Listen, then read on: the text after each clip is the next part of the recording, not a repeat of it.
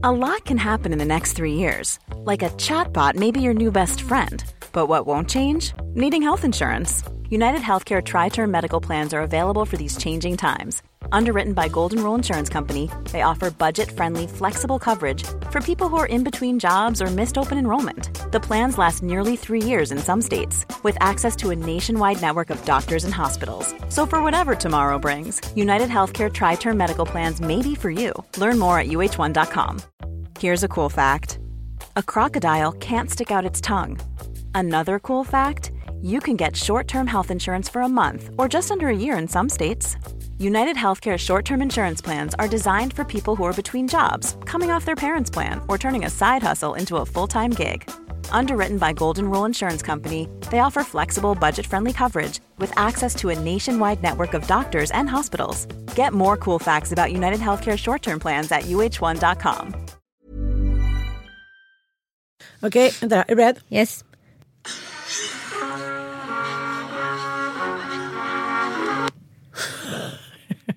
Det där Alltså var det där jag satt och väntade på jättelänge? här, det var inte jättelång inspelning men eh, du kanske vill att jag ska säga så här. Vad var vet, det för något? vet du vad det där var? Vad var det för något? Nej, det var en oboe. Hur säger man? Oboe. Nej, men alltså, a bow. A bow. Nej, men alltså, det är så roligt. Jag har ju nu varit eh, på semester, eh, skidsemester i Engelberg. Jag skrev i Heidelberg de tre första dagarna. Sen. Nej Ann, du är i Engelberg. Ja, ja. Men det, det låter ju lite samma sak. Men deras vurm för konstiga instrument. Har du sett en sån där lång oboe? Ja men de är ju typ 200 meter långa. Man bara, hur fick ni ens upp dem i backen?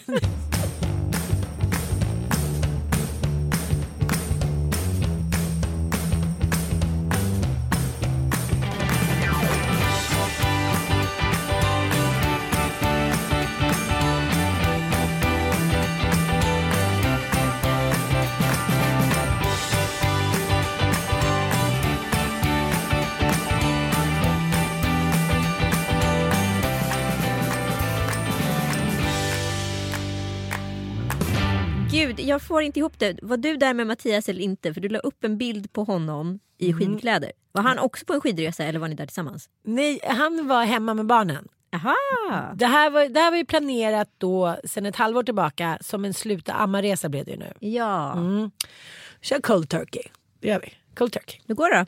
Men superbra. Men jag är lite förvånad. Jag trodde att jag skulle komma hem ehm, ja, men med två små sinade mjölkpåsar. Icke. Nej, de verkar inte vilja sina. Jag kanske måste få ta några så mjölktabletter. Ja, det låter som en bra idé. Men jag måste bara plocka upp en liten eh, mini-analys. Jaha. Du och jag har ju tillsammans varit i Israel. Ja. Vi tänkte ju på, nu var jag gravid så jag var inte så påverkad av någonting, men vi tänkte ju på det där att dels var tjejerna så väldigt liksom casual, osminkade, det var inget uppklätt, det var inget tittisar, det var så här det var ganska neutral stämning fast glad och varm och rolig. Mm. Jag tänkte på det nu när jag var i Alperna också. Att man, den klassiska så här, den roligaste kvällen är alltid de när man inte går hem utan man går ut vid pjäxorna och en gammal skitig tröja och hit och dit. Och så blev det ju på lördagen då. Men så, då bara fick jag den där känslan igen att det är samma sak här. Ja. Vi har liksom skidkläder, man luktar svett, man har bränt på hela dagen, man är fysisk, man är så här osminkad och så står man där och förenas i någon liksom kärlek till så här, ja, skidorna måste man säga, skidåkningen, till naturen, till det vackra. Man är borta, det blir ju en liten så här egen mikrovärld. Sek- sekten. Ja, ja det blir verkligen den skibam-sekt. Och då kände jag så att det är därför det är en sån jävla härlig miljö att vistas i. Ah, så, så här, kontentan av analysen är bara att det är härligt.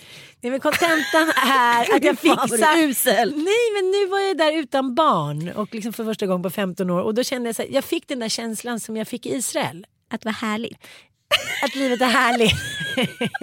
Ska Två år senare! Kom på det igen! nej men just det där att de där rollspelen. Ah, okay. Man bränner lagg hela dagen. Det är kul om man träffas. Man håller inte på och bestämmer. Det är inget spel. Och sen träffas man på afterski och det är så här hejsan jodler. Man står med pjäxor och dansar lite. Och det ne- neutraliserar könsrollerna. Jag Man är på samma nivå. Men alltså jag är ändå så impad utav dig.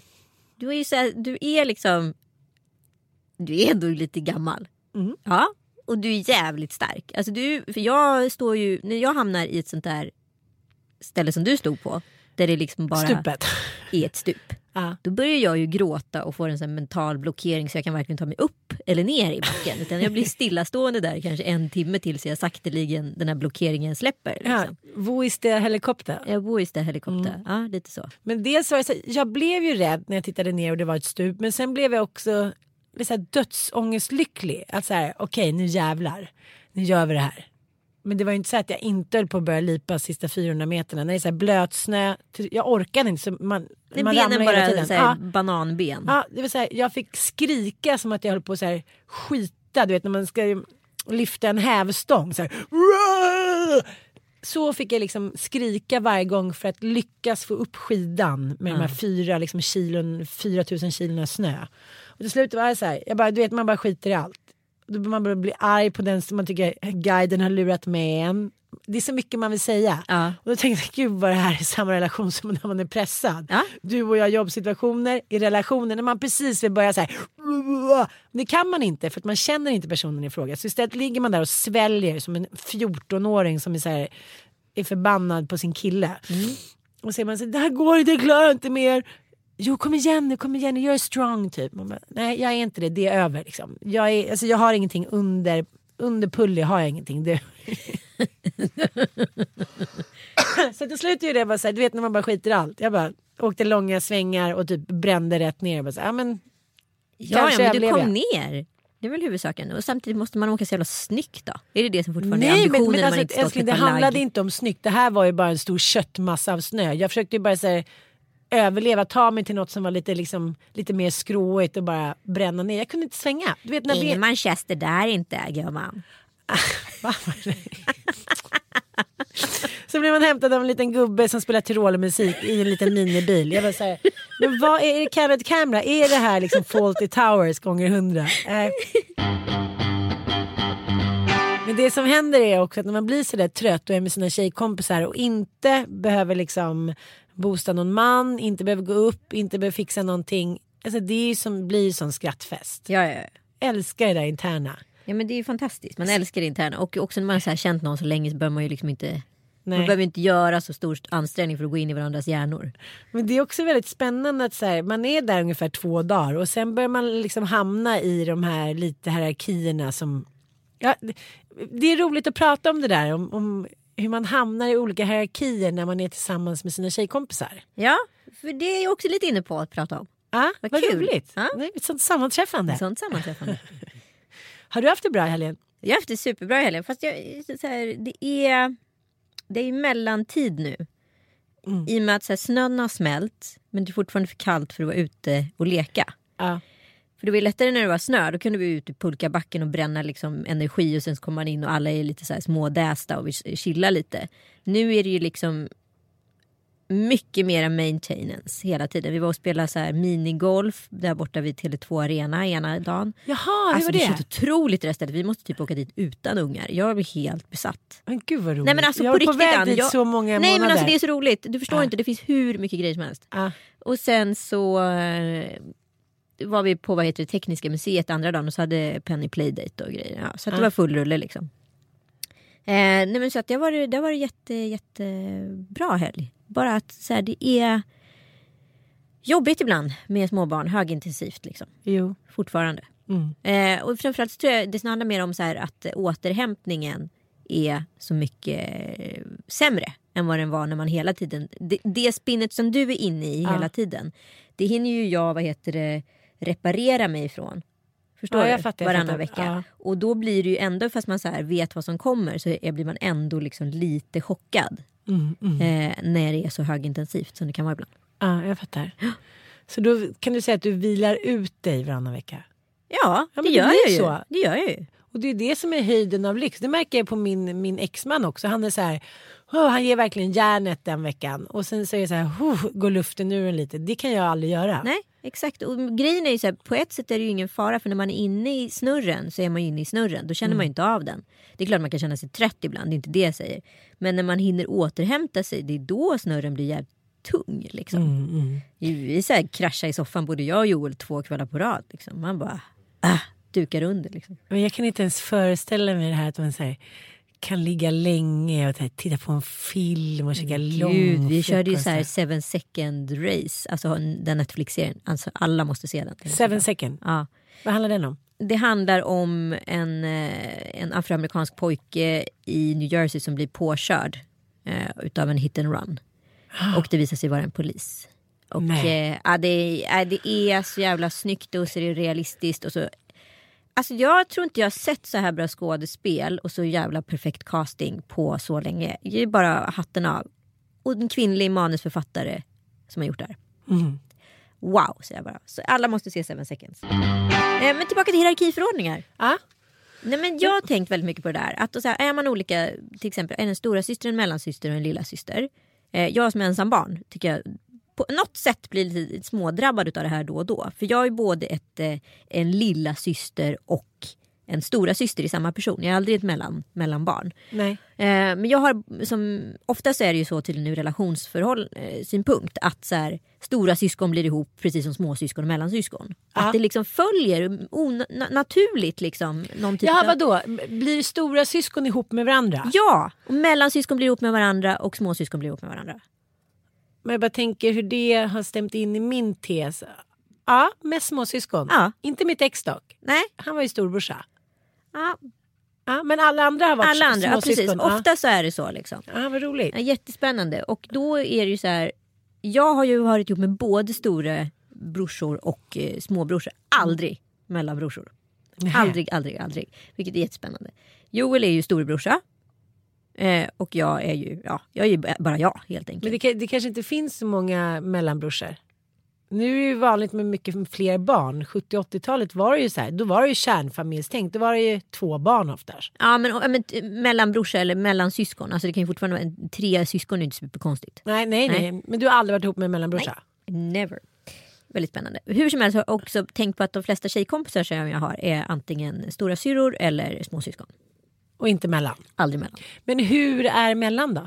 Nej men mellan är ju, eh, jag vet inte. Det, mellan, det, mellan, det som sägs om mellan det är ju att de är liksom mitt i klämbarnet.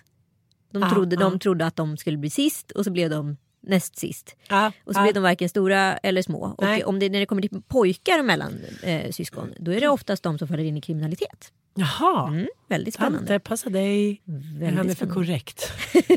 det skulle vara för skamfullt. Men jag förstår ju det. För när jag blev tillsammans, när jag träffade Mattias, då var ju Dante sex. Ja. Och eh, för mig var ju han en bebis. Ja. Alltså när jag tänker tillbaka då var han typ som Frasse är för mig nu. Ja. Sov i min säng, mammas lilla prins och vi åkte på små semestrar och han var så omhuldad. Och sen så liksom, det blir ju nästan över en natt. Så blir han utsparkad för då kom det en ny man som kröp ner sängen. Då kunde inte han ligga där. Nej, lilla prinsen. Ja, prinsen ska bort. Sen kom ju han tillbaka lite precis som det blir med Tom Allan. Så här, ja, man lär känna varandra och det, det har inte varit något problem. Men jag tror att han, jag tror han också är den som kanske fastnat lite i en ålder. Ja. För att så här, där hade han det så göttigt och sen slutade det lite där. ja, men det är lite som när man hittar sin e- bästa liksom, klädlook Ja. och så fastnar man i den. Ja. The, the prime years. Liksom. Ja, men vilken, vilken är din bästa klädlook? Men skit i det, nu går vi vidare. det här är jättespännande ämne, kläderna. men det som jag märkte nu när vi var iväg på vår tjejresa. Ja. Först var det jag och eh, min kompis Frida. Vi har känt varandra sedan gymnasiet. Och är hon stora syster eller mellansyster eller lilla syster? Lilla syster. Aha. Mm, men hon är ingen lilla syster typ. Nej. Och sen var det Kristina som jag har känt liksom, ja, men sen man började liksom jobba liksom runt 20-årsåldern där. Och som är så här fram och tillbaka. Så vi har ju helt andra roller. Ja. Vi kunde ju välja våra roller på ett annat sätt. Och sen var det en annan tjej som jag aldrig hade träffat. Som Frida kände och Kristina hade inte heller träffat henne. Så det följde liksom en så här organisk rolig liksom båge som man såg väldigt tydligt. I början kändes det lite tråkigt för Eva-Lena tror jag. Det var den nya tjejen? Ja, Ja. för hon kände ju inte oss. Nej, så och då ni var blev inne det- i egen jargong sådär. Då blev det lite så här, aha, okej. Sen eh, hyrde hon nya pjäxor och då, dag, dag två. Och då blev hon glad och då blev det liksom, ja, då började det sätta sig, då fick hon komma in lite mer. Då förstod hon vår interna grej. Och sen så efter några dagar så följde jag och, och eh, liksom eh, Frida in lite mer i vår gymnasiestil. Eh, hon kanske var den som bestämde lite mer och då blev det liksom lite schysst. Alltså, äh, väldigt, väldigt roligt. att se att det där sitter i så tydligt. Att, liksom, att det nästan måste det för att ordningen ska vara återställd. Ja. Som i vilken liksom, eh, stat som helst. Ja, men det där är roligt. Och eh, jag, jag pratade med en eh, god vän som sitter i ett väldigt, väldigt intressant dilemma.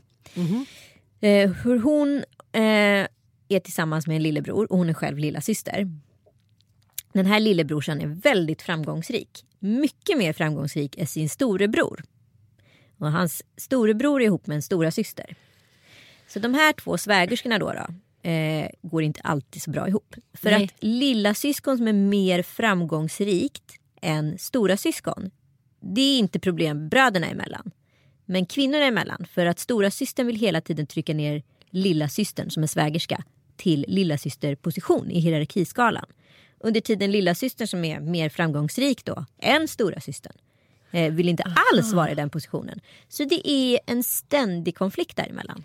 Men vet du om de är ungefär i samma gebit? Liksom, vet du om de är ungefär i samma karriärsväng eller jobbsväng? Nej, men stora systern har valt att vara hemma och fru och så vidare. Liksom. Eh, under tiden lilla systern är så här working mom. Liksom, Och tycker att eh, det är skitspännande att driva företag och sådär. Och stora systern förstår inte alls det. Men hon vill fortfarande hela tiden ha mandatet att trycka till lilla systern. Men i och med att hon inte har ekonomiskt stark som lilla systern och inte heller har valt i livet så blir det hela tiden att hon så här.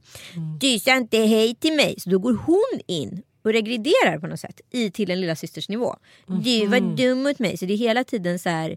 Du borde göra, du har varit dum, du borde be om förlåt. Du borde, alltså hela tiden så här, lite martyrskap som kommer ut. För att så här, hon ska minsann veta sin plats för hon är ändå yngst i familjen. Gud, så där har jag och min syster också big time. Är det sant? Ja men gud. Det här är ändå svägerskor, förstår du?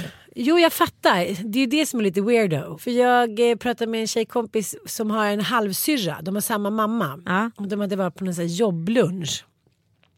Så en jobblunch där varken syrran eller syrran då ja, men, kände någon särskilt väl. Det blev bara att syrran hängde med på en jobblunch. Ja. Det var lite så här korrekt, man satt och pratade lite och då så, så här, öppnade storasyrran alla kanaler. Vadå?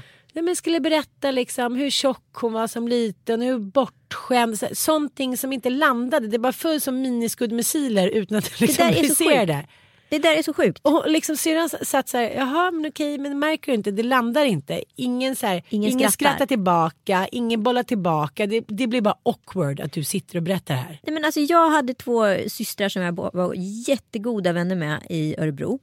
Eh, och där stora syrran var på pappret, hon var ju mycket duktigare i plugget, hon var ju mycket mer ambitiös, eh, hon var liksom mycket mera liksom välsvarvad eller vad man nu ska kalla det för och så vidare. Men i och med att hon hela tiden hade sånt otroligt komplex till sin lilla syra som var en superslacker men gick till provet och skrev 5 och 0. Eh, var supercharmig så hon fick alla snubbarna, inte alls lika välsvarvad men liksom Ja men du vet verkligen så här likable på alla sätt. Och så vidare. Och liksom hon fick ju helt gratis det stora syrran hela tiden kämpade för. Så stora syrran, varenda middag, varenda fest skulle berätta vilken loser, vilken dålig, hur dålig hygien hon hade. Alltså hon kunde bara sitta och spy galla över den här lilla syrran hela tiden. För att så här, pinka någon typ av revir. Och den enda som så här, det jag föll tillbaka på, det var ju henne själv. Men det där tycker jag, det där är ju jobbigt för det är samma sak med mig och min syra. Vi är ju så olika så att så här, gud det blev schizofren den natten. Men allt från så här, sport till skola till allting. Hon är ju helt ointresserad av sport. Eh, men hade svårt i skolan. Men det var lite så som du berättade. Ja. Och, eh, men hon var jättesnygg såklart. Liksom. Men, men det där skulle då regleras när jag ville börja vara med hennes polare. Att här, jag fick komma efter. Vi låtsades som att inte jag följde med. Så stod det några killar och väntade vid hockeyrinken typ. Och sen så gick det en liten stund, så här, någon timme. Sen tyckte hon att det var okej att jag var med. Men det var alltid så att jag fick så här, smyga med. Men jag tycker fortfarande att jag känner det där att, att om jag ifrågasätter henne så blir liksom, då blir det schism. Det är väldigt Men spännande. hon måste så här, fortfarande bestämma reglementet. Sen dog ju vår mamma, gick bort väldigt tidigt. Liksom, så att, eh, hon har ju en, typ av mammaroll. Och jag tror att det, liksom, det som är jobbigt för stora systrar är när man inte väljer att leva som de gör. Ja.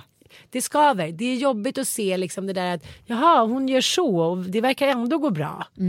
Medan jag är så här, I do it by the book liksom. Både med barnen och med jobbet och hit och dit. Och ändå så verkar hon kanske ha roligare. Men jag tänker Jag kan att, fatta det. Ja. Jag fattar också. Men jag tänker att det kanske hänger ihop lite med det där som vi ska prata om i showen. Eh, angående den perfekta förfesten. Mm, Alltså vilka nyckelpersoner och nyckelspelare som måste vara där för att göra det här bra. Och det hänger väldigt mycket ihop med hur det ser ut i verkliga livet. Att det är samma sak som i ditt kompisgäng när ni åker iväg. Att ni måste vad heter det, ha en viss typ av rollfördelning annars så funkar inte gruppen. Nej. Två stycken kan inte aspirera på samma position. Nej, nej, nej. Alla måste följa liksom. Ja. Man måste så här, läsa av den organiska massan. Och om någon så här blobbar ut då, bara, då wobblar hela den här liksom Ja. jellyfishen typ. Precis.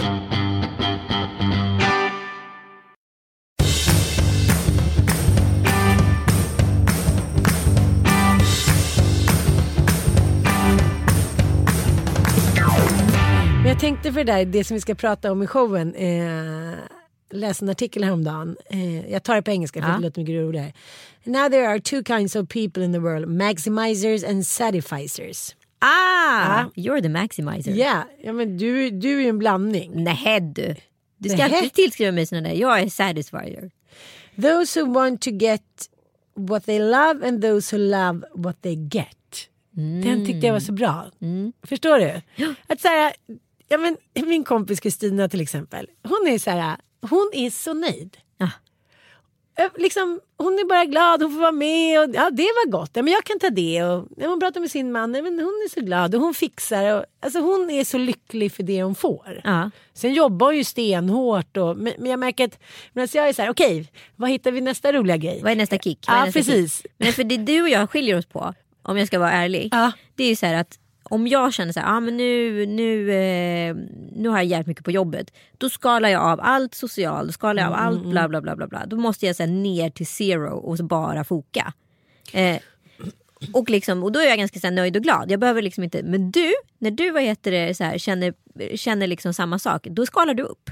Då Det är måste, särskilt sant. Ja, du skalar upp nöjen, du skalar upp liksom ännu mera jobb. Du skalar upp liksom... eh, Ja, jag fattar. ja, Jag du fattar. fattar. Gud, jag hade tänkt på. Nej, men, och det är jävligt spännande. Jag har tänkt jättemycket på att det är vår absoluta olikhet. Men tror du att det har någonting att göra med eh, att du har varannan vecka-liv? Nej, jag tror alltid är så här. Jag, jag är så här. Jag märker att det brinner i mitt huvud. Jag får inte ihop min vardag ifall jag så här, ska vara social och vara alla till lags där, vara jätteduktig mamma och hänga med ungarna och följa med på 35 barnkalas. Och liksom, eh, sen ska jag också vad heter det, göra de här 10 projekten på jobbet och leverera där. Då vet jag att så här, det, kommer någonstans, det kommer fallera någonstans och då kommer någon jävel få ut för det. Så att då måste jag så här, skala bort allt som är, ja då blir det ju det sociala som får ryka för ungarna kan man ju inte bli av med. Och de ska ju fortfarande gå på sina barnkalas och ha sina grejer. Och så blir det liksom jobb. Och det är klart att så här, ja det handlar ju om en vecka eller två sen är det ju över. Alltså det är ju inte hela världen. Men jag, jag, stämmer verkligen den där tesen. Jag tycker så här, när jag lärde känna dig var det ju inte alls så när du var tillsammans med ditt ex. Nej absolut inte men det var ju också så här, då skalade jag ju upp det sociala och då gick det ju också så här det var ju också för att det inte funkade hemma, eller förstår du? Ja, ja, Eh, så att så här, då ville man ju fly. It's the flight. ja, I know. Flykten. The Eh, flight. The flight. Ja nej men det är så. Ja, Eh, men, men då var, det, var ju mindre hemma så hade jag ju skalat ner det. ja, ja, jag fattar vad du menar. Men samtidigt så är det ju så här, du är ju, jag tycker du är ganska mycket stora systersaktig. Ja men det är jag nog. Ja, för du är lite som, jag har några andra kompisar som är så att du eh, liksom har ditt schema och sen så eh, det är alltid konstant och du bokar in grejer och sen däremellan så kan du göra saker med andra. Ja exakt. Jag Alltså, menar? ja, men, jo, men alltså, så här, jag är ju så här plikttrogen. I grund, det är mitt också, det är ett jätteproblem jag har. Det går jag och pratar med min terapeut om. Ja, Att jag är så töntigt plikttrogen så ibland så kan jag ju liksom köra för fort till jobbet bara för att så här, hinna lämna ungarna. Så så här, men ta det lugnt, allt, allt hinns med. Liksom så här, du, så här, ska du riskera att åka fast för fortkörning eller ungarnas liv? Eller, alltså för att så här, plikten kan, alltså vem tackar dig då? Ingen liksom. Eh, så, att, så här, allting kommer utanför plikten. Alltså, jag, är ju så, jag ska vara en perfekt militär. Ja verkligen, minikini militär. Ja, ja. Du skulle också ha väldigt bra luckefester. nu händer det väldigt mycket roligt. Du Ja. fyller år Ja, Ja. Gud, jag måste skicka ut Save the Date den här veckan. ja, och jag måste fila på ett tal. Det Just måste vara det måste perfekt. du verkligen göra. Långt. Nej tackan. Nej, åh, jag måste spela in roliga grejer. Ah, och sen är det ju då vår festival, höll jag på att säga. Vår show som har premiär nu på Scalateatern den 6 april. Fan vad det blir roligt alltså. Jag skrattar, Det blir roligt. Jag skrattar högt när jag satt och läste det manuset. Alltså. Ja. Det kommer Och- bli så jävla roligt. Och är ni bortresta för att det är påsklov då får ni faktiskt ta och komma hem. Ja, många är faktiskt bortresta veckan innan. I och med att det är så här jätte, det är skärtorsdagen och långfredagen. Så de flesta åker på onsdagen. Så många är ju faktiskt redan hemma. Men eh, nu har vi ju liksom sålt eh, jättemycket biljetter i Stockholm. Så nu hoppas jag att det kommer några, några till. Det hade varit kul. Ska- Skalateatern.se. Och ska ni gå i Gävle så bokar ni på tixter.com. Eh, gå in där och sök på förfest. Då kommer ni hitta oss. Ja, och sen så åker vi till Västerås. Nej, sen åker vi till Örebro och sen åker vi till Karlstad. Jo men jag menar overall. Ja, overall. Ja. Ja. Och så Malmö. Västerås, Malmö. Och Halmstad. Ja, och man går in, om man ska boka ut i landet så går man in på tixter.com, sök på förfest så hittar ni biljetter. Det här kommer bli jätte, jätteroligt. Vi kommer alltså prata om typ sådana saker som vi pratar om i podden fast vi behöver ihop det. Alltså förfestet som en metafor med, för de bästa åren i livet och så hamnar man på efterfesten. Vad fan händer då? Ja, det ska ni få reda på. Ja, och det märkte jag. På lördagen då så gick ju mammorna ut lite grann eh, med några pappor som vi hade träffat i skidspåret. Jag vill säga. Så vi gick ju då på en klubb i Engelberg. Jaha, Men jag har inga föreställningar. Nej, nej, nej, nej. nej, nej. Klubb är en källare. Jaha, där man spelar oboe. det hade fan varit mycket roligare. Men grejen är att man tänker alltid så här. Man börjar så tidigt tänker man så här att men gud nu är klockan fem på morgonen men då är hon elva. Ja. Men då kommer vi in och ska gå på den här konserten då som det svenska afterski-bandet har och där kan vi snacka om att det var liksom efterfesten. Jag tänker så här, de här gubbarna i typ 50-årsåldern och den här tjejen som också är så här 50 som står i några läderimitationsbrallor och ja men alltså de är ju så likeable. men vad, vad har de sagt hemma vid sig? Vi drar till Engelberg och kör några Ja, men kommer du inte ihåg de där som alltid giggade runt i Sverige? Ja, men jag är där så tjejen med saxofon och han med så här långt hår och lite så här Rydell och Kvick heter de det? Ja, Rydell och Kvick. Jag bara Lars Roos, var inte han med?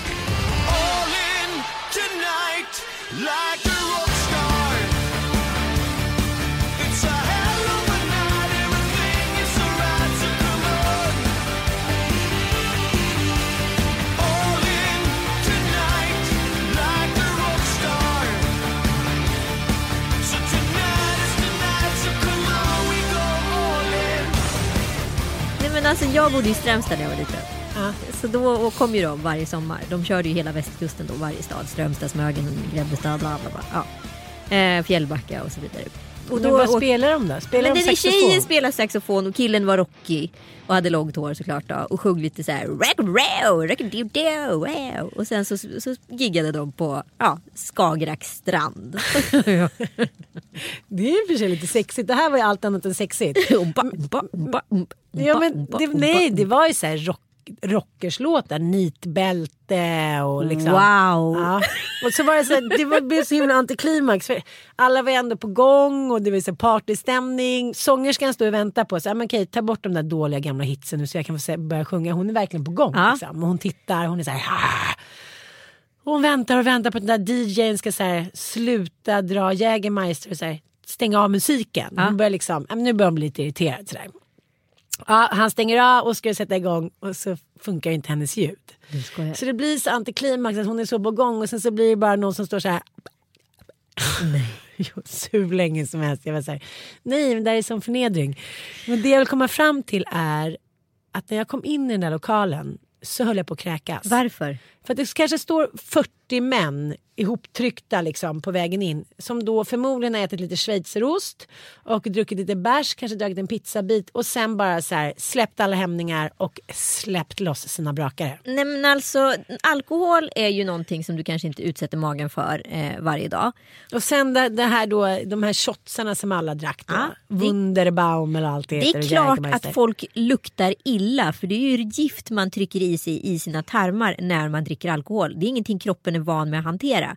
Så Fast då Anita, kommer du ut. inte- nej, jag, jag, jag, jag kommer aldrig, aldrig kunna beskriva det här. Alltså, det var som att komma in i en levande stinkbomb. Och jag var så här, jag ville anklaga någon, sen ansåg jag så här, det är en armé av Fjertademus. Ja, men det är så äckligt. Det är så så- äckligt. Det var så äckligt. Jag tycker det så är så mycket skit på krogen Ja. hela tiden. Men Alltså. förut rökte man ju bort det. Ja, exakt. Ja, men nu gör man ju inte det. Så att nu står man där i den här stinkande buren och ska säga I och för sig, det fastnar ju inte i håret som rök gör. nej, nej, men jag menar inte att rök är ett bättre alternativ. Men det här var det så tydligt också att det var så här hundra grabbar som hade gått bananas på alkoholen och, Och kanske någon pizzasluring och någon ostbit. Och så kom jag in jag bara kände så här. "Bla, bla." Nej, det var, sluta fis. Två kompisar till mig har legat med samma kille. Aha. Alltså de är bukisar. Ja. Varav den ena kompisen upplever det här som ett sensationellt samlag. Ja, Alltså så här, the sex of her lifetime. jag fattar. Ja. Under tiden den andra kompisen säger att det var kanske det tröttaste ligg hon har haft. Hur kan samma man liksom uppleva så olika utav två liksom, kvinnor? Som är mina kompisar, de är ju relativt lika varandra. Jo men vadå, vi har ju kanske någon man som vi också båda har fått till det med. Och där har vi också lite olika åsikter. Det har ju väldigt mycket med att göra ett, dagsform, två, intresset hos varandra. Alltså förstår jag vad jag menar? Tre, vad man själv liksom har för inställning till den här snubben. Men här går vi tillbaka till det som jag tycker är jävligt intressant med det här maximizers and satisfizers. Ah, Ah. Här kommer det in mer naturligt. Ja, för jag tänker så här, mina kompisar, eh, ja, men när de träffar någon ny eller kanske ja, i en, en skilsmässa eller någonting och så träffar de någon ny och de tycker att allting är så bra. Jaha. Varenda kille de träffar det är det bästa sexet och han är så underbar och det var det mest fantastiska och de är så lyckliga. Så här, men gud vad är grejen? Nej, men det kan inte vara så att de träffar så här, Sveriges bästa sexgudar medan vi andra ja, men träffar lite är liksom något orättvist. Och då har jag spottat det att det beror så jäkla mycket på var man är i livet. Ja men det måste vara det. Ja, eller om man är en sån som är glad för vad de får. Ah, så du menar att Ja. satisficern hon blir då... Eh, ja, hon tycker Nej, hon det, vill maximera. Nej nej men maximizern blir besviken. Ja, precis, precis. Ja, under tiden, det. ja. Men då måste det betyda alltså att satisficern Ja. hon blir tillfredsställd. Hon Ja. tycker det är toppen. Hon är glad och kåt och hej och hå, här blev hon påsatt och det var skönt. Under tiden maximizern blir besviken för att hon tycker inte att det var livets ligg. Ja, ja men det, det är det som är grejen. Och sen, om du tar maximizer då. De liksom, vi slutar aldrig att kolla efter så här, den ultimata kicken. Nej. Ultimata händelsen, ultimata jobb, den ultimata mannen. Så vi är så här, vilket gör att vi kanske, jag menar, vad ska jag säga? Vi frågasätter ju våra val. Ja. Kanske lite oftare så här, var det där så bra? Och kanske skulle gjort sådär istället. Eller fan vad det där var dåligt. Medan den som då är den nöjda Ja. menar på att så, nej, men jag behöver inte ha så många alternativ. Det är liksom bra det som blir. Mm. Och det här är väldigt tydligt mellan mig och liksom min så här, vad ska man säga, kompis som jag umgås så här, närmst med. Det är ju Kristina. Och hon är ju en satisfier. Ja. Och det är så tydligt. Nu nu var ute i lördags. Mm, Ja, frukosten kunde varit lite bättre. Det var synd att det inte var pocherat ägg. Ja, här, Hon bara, gud det var jättegott. ja, hon tycker att allting är superhärligt. och, smakar bra. Ja, och ja, då hinner vi inte duscha. Nej, men det är ingen fara. Alltså, och så var det så jäkla tydligt när vi var ute på lördagen. Där jag var så här, okej, har hittat Nils till ställe. Ja, ett till ställe och det där var roligt, nu ska vi göra det. Hon var så här, men jag går hem till hotellrummet. Så kommer jag hem några timmar senare. Då ligger hon och kollar på så här 1984, en gammal film som hon ligger och kollar på. Hon bara, hej. Nej, men då tyckte hon att hon var klar. Jaha. Hon behövde inte maximera mer. Hon hade fått tillräckligt med valmöjligheter den dagen. Hon hade gjort allting hon hade velat. Nu vill hon gå hem och softa lite. Hon åker här, aldrig sista åket, det gör du. Precis.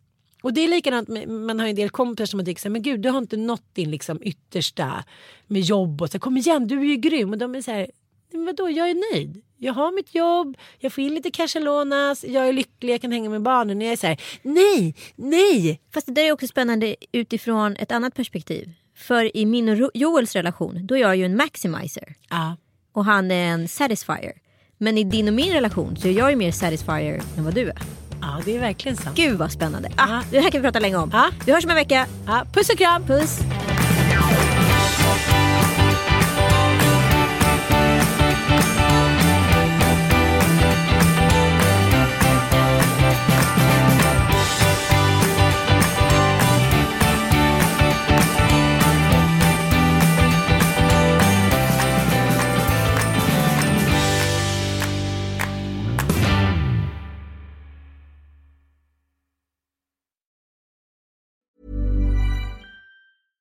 Hey, it's Paige DeSorbo from Giggly Squad. High quality fashion without the price tag. Say hello to Quince.